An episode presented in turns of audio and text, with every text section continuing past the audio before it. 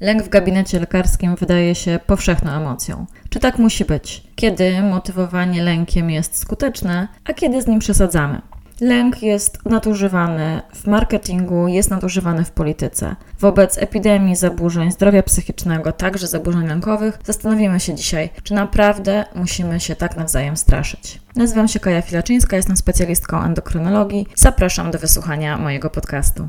Na początek opowiem Wam o dwóch zmyślonych, aczkolwiek mających swoje odpowiedniki w rzeczywistym życiu pacjent. Załóżmy, że mają bardzo podobny wynik USG, czyli małą zmianę ogniskową, która nie nosi żadnych znamion podejrzeń złośliwości. I jedna z nich zaczyna wizytę od mówienia tego, że e, ma do oceny badanie USG, e, ale pani doktor wykonująca badanie mówiła, że tam nic strasznego się nie dzieje, ale chce, żeby jeszcze endokrynolog na to spojrzał. A druga pacjentka mówi, o tym, że nie spała całą noc, bo ma guska w badaniu USG i boi się, czy to nie jest rak, a pani doktor powiedziała, że trzeba to koniecznie skonsultować, bo to może być coś poważnego. Ten sam wynik, bardzo różny komunikat, bardzo różne emocje u pacjentów.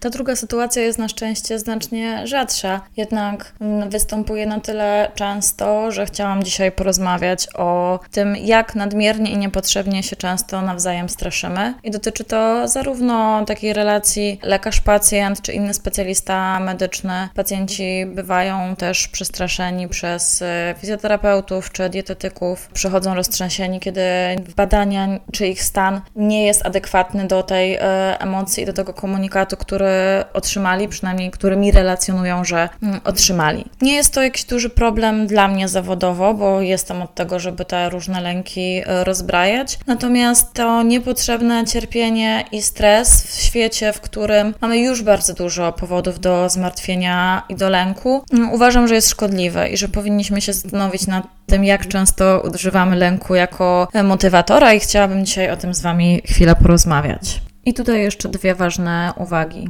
Oddzielamy odpowiednie postępowanie zgodne z wiedzą medyczną, przestrzeganie wytycznych i to, że niezależnie od komunikatu, jaki jest kierowany do, do pacjenta, to postępowanie jest adekwatne. Dzisiaj się skupiam właśnie na tej warstwie emocjonalnej, w jaki sposób motywujemy się nawzajem do przestrzegania zaleceń.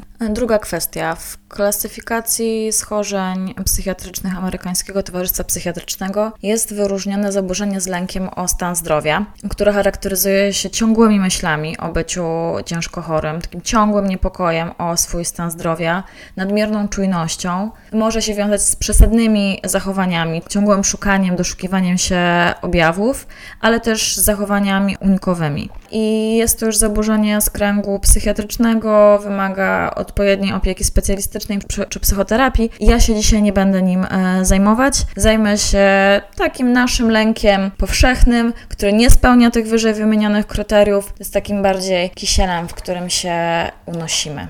Czy lęk jest skutecznym motywatorem? Tak jest. Dlatego jest wykorzystywany od wielu lat w różnych kampaniach społecznych czy marketingowych, które mają skłonić odbiorcę do podjęcia różnego rodzaju działań. W zakresie zdrowia publicznego to często są kampanie, które mają odstraszyć od palenia papierosów, od prowadzenia samochodu pod wpływem alkoholu, czy mają zmotywować do wykonania badań przesiełowych, e, przykład w kierunku raka piersi, czy raka szyjki macicy, czy chorób przenoszonych drogą e, płciową. I bardzo często te kampanie marketingowe mają taki przekaz, który ma wzbudzić lęk, pokazują przykład jakieś straszne wypadki samochodowe, bo bardzo ciężko chorych e, pacjentów, po to, żeby pokazując te negatywne konsekwencje, skłonić osoby tu i teraz do podjęcia działań. Według badań często są to kampanie skuteczne, natomiast nie u wszystkich. Paradoksalnie, u osób, które mają najsilniejszą reakcję emocjonalną po obejrzeniu takiej e, reklamy, te osoby mają większe ryzyko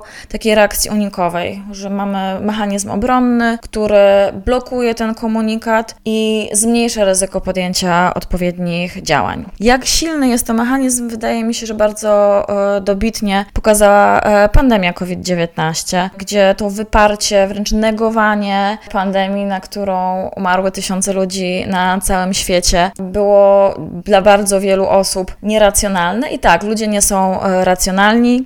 Unikanie sprawdzonych i bezpiecznych metod zapobiegania, unikanie szczepionek, negowanie pandemii pokazuje nam, jak silne te mechanizmy unikowe mogą być. To, co w ostatnich latach obserwujemy, to wyciąganie wniosków z tego komunikatu, że nie tylko lękiem można motywować. I tak jak w 2011 roku kampania która miała namawiać kobiety w Polsce do wykonywania cytologii. Miała takie hasło: Nie pakuj się do trumny, zrób cytologię. Tak już w ostatnich latach kampanie są budowane na bardziej pozytywnym, motywującym przekazie, jak na przykład pomyśl o sobie. Przy mammografii są takie e, na, na plakacie wymienione wartości, miłość, wiara, troska, życie. Przy kampaniach związanych ze świadomością AIDS i zakażenia wirusem HIV też ten język e, uległ zmianie i też dostosował się do bardzo dobrych możliwości współczesnej terapii. E, I kampanie w ostatnich latach mają taki albo taki nawet bojowy język, jak nie dostaniesz mnie, albo podkreślają to, że wolę wiedzieć, każdy wynik jest dobry i to, że zakażenie wirusem HIV nie jest związane już z taką stygmatyzacją i te możliwości leczenia są dużo lepsze. Także coraz więcej w kampaniach społecznych jest motywowania się w sposób pozytywny. Współcześnie obiektywnych powodów do lęku mamy naprawdę dużo. Ostatnie lata to globalna pandemia, z którą wiązały się lęki o, o pracę, o status bytowy, o własne zdrowie, o zdrowie bliskich. Obecnie za naszą granicą Rosja bardzo brutalnie i agresywnie zaatakowała Ukrainę, więc mamy codzienny często kontakt z osobami, które uciekły przed e, wojną i przeżyły traumę sytuacja gospodarcza, katastrofa klimatyczna, zdrowie własnych dzieci, ich problemy w szkole, tych powodów do zmartwień mamy naprawdę na co dzień bardzo dużo i sądzę, że powinniśmy naprawdę unikać dokładania sobie ich na co dzień, jeśli nie ma to uzasadnienia. A bardzo często, bardzo często nie ma, bardzo często komunikaty, które mają nas zmotywować do działania i są oparte na lęku, są komunikatami nadmiarowymi. I chciałabym tutaj nas wszystkich e, namówić na to, żeby spróbować opierać się e, na innych wartościach i w inny sposób komunikować się z naszymi bliskimi, ale też z pacjentami czy pacjentkami, jeśli tutaj słuchają mnie inni medycy.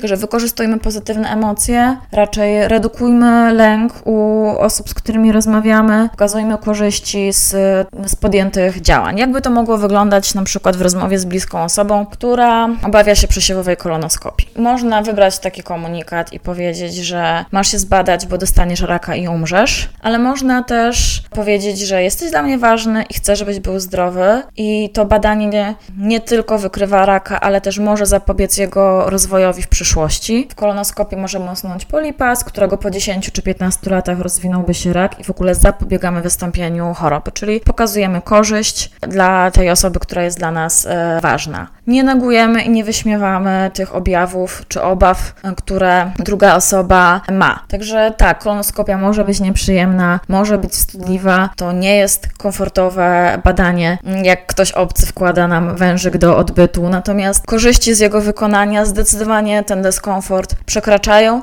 i warto. Także starajmy się budować komunikaty trochę inaczej. Teraz wypłynę na nieco szersze, niemedyczne wody, ponieważ poza tym, w jaki sposób dana osoba formułuje komunikat, ważne, żeby dostrzec, jakie motywacje za tym stoją. Bo w zakresie zdrowia, zarówno motywacje medyków, jak i członków rodziny są dobre, tak? Wynikają z troski o zdrowie. Zależy nam na tym, żeby pokazać e, pacjentowi, e, jakie są ryzyka dla jego zdrowia, jakie korzyści są z wykonania danego badania czy przyjmowania e, leków, licząc na to, że po tym wyjaśnieniu te zalecenia zostaną wypełnione, pacjent będzie miał lepszy stan zdrowia. Natomiast bywa też tak, że komunikaty osób, które chcą nas zmotywować lękiem, nie wynikają z troski o nasz stan zdrowia, w ogóle nie wynikają z troski o nasz dobrostan. I chciałabym tutaj Was gorąco namówić do takich refleksji, że jeśli ktoś kieruje w Waszą stronę przekaz, który Was ma przestraszyć, żeby zadać sobie pytanie,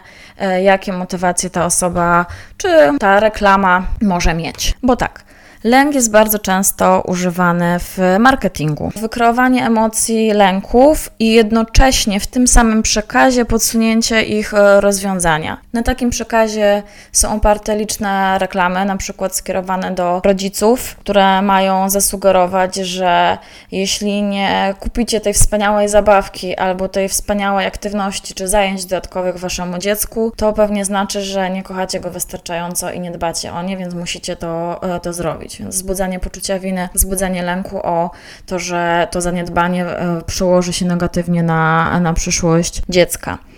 Całe branże opierają swój marketing na tym, żeby wzbudzić w nas lęk, żeby wzbudzić w nas poczucie, że jesteśmy niewystarczający i to zakup właśnie tego produktu czy usługi to naprawi. Jest też niestety część branży takiej okołomedycznej, która również e, sięga do tych metod, e, obiecując magiczne Mówię, że magiczne, dlatego że suplementy diety nie mają obowiązku wykazania skuteczności działania, a tutaj często jest e, również taka obietnica poprawy stanu zdrowia e, i wzbudzanie e, lęku o ten stan zdrowia, jeśli nie będziemy odpowiednio ich tutaj preparatów przyjmować. Nie ma to podstaw naukowych.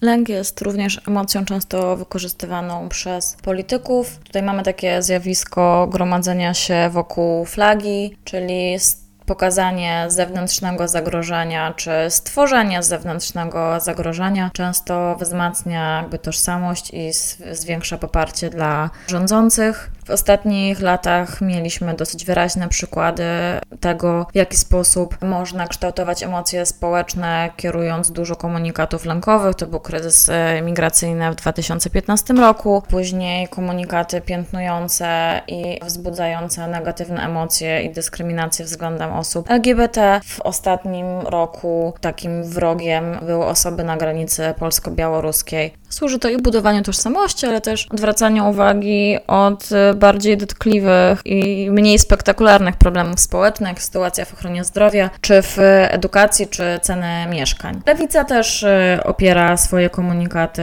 czasami na lęk, na lęk przed y, konsekwencjami katastrofy klimatycznej. Natomiast wiemy też, że y, podobnie jak w ochronie zdrowia, tak przesadzenie z lękiem może działać demotywująco. Także uważajcie, zarówno jako osoby, które rozmawiają z innymi i chcą skłonić swoich bliskich do dbania o, swój, o ich stan zdrowia, o to, żeby nadmiernie ich nie przestraszyć i uważajcie jako odbiorcy komunikatów. Jak ktoś Was straszy, to zadajcie pytanie, dlaczego i co chce od Was osiągnąć. Czy jest to motywowane troską, czy po prostu chce zarobić, albo zdemotywować Was od jakiegoś działania, czy Wami e, manipulować. I na koniec e, podsumowanie, z czym chciałabym, żebyście zostali i zostały. W świecie, w którym można się bać z bardzo wielu powodów, nie dokładajmy sobie nawzajem niepotrzebnie. E, jeśli lęk zaburza Ci codzienne funkcjonowanie, koniecznie porozmawiaj ze specjalistą e, zdrowia psychicznego, psychiatrą czy psychoterapeutą. Róbmy to, co trzeba zrobić, żeby dbać o swój stan zdrowia. Badania przesiewowe, regularne przyjmowanie leków, badania kontrolne, zdrowy tryb życia, na ile świat, w którym żyjemy, to e, umożliwia. Natomiast starajmy się nie budować do tego nadmiarowych, lękowych konstrukcji. Mogę zlecić wszystkie badania pacjentowi, opowiedzieć i powiedzieć, że proszę zrobić takie i takie badania, natomiast nie martwić się, bo upewniamy się, że wszystko jest e, dobrze, nie mamy żadnych przesłanek do tego, żeby e, się niepokoić w tym momencie. I odpowiedzialnie używajmy lęku jako motywatora. Starajmy się częściej sięgać do pozytywnych motywacji, do troski, do edukacji, do pokazywania korzyści z podjętych działań. I bądźcie czujni, ktoś motywuje Was e, lękiem, zastanówcie się, jakie są jego intencje i też unikajcie miejsc, które Was bardzo chcą e, przestraszyć, tylko po to, żebyście się poczuli źle i wydali pieniądze. Zapraszam Was na moje media społecznościowe, Instagram endokrynolożka. Chętnie przeczytam, co Was motywuje do działania, jaki Wy rodzaj komunikatów wolicie, jakie są Wasze doświadczenia z gabinetów lekarskich i innych medycznych odnośnie motywowania lękiem. Życzę Wam miłego dnia, wszystkiego dobrego, do usłyszenia.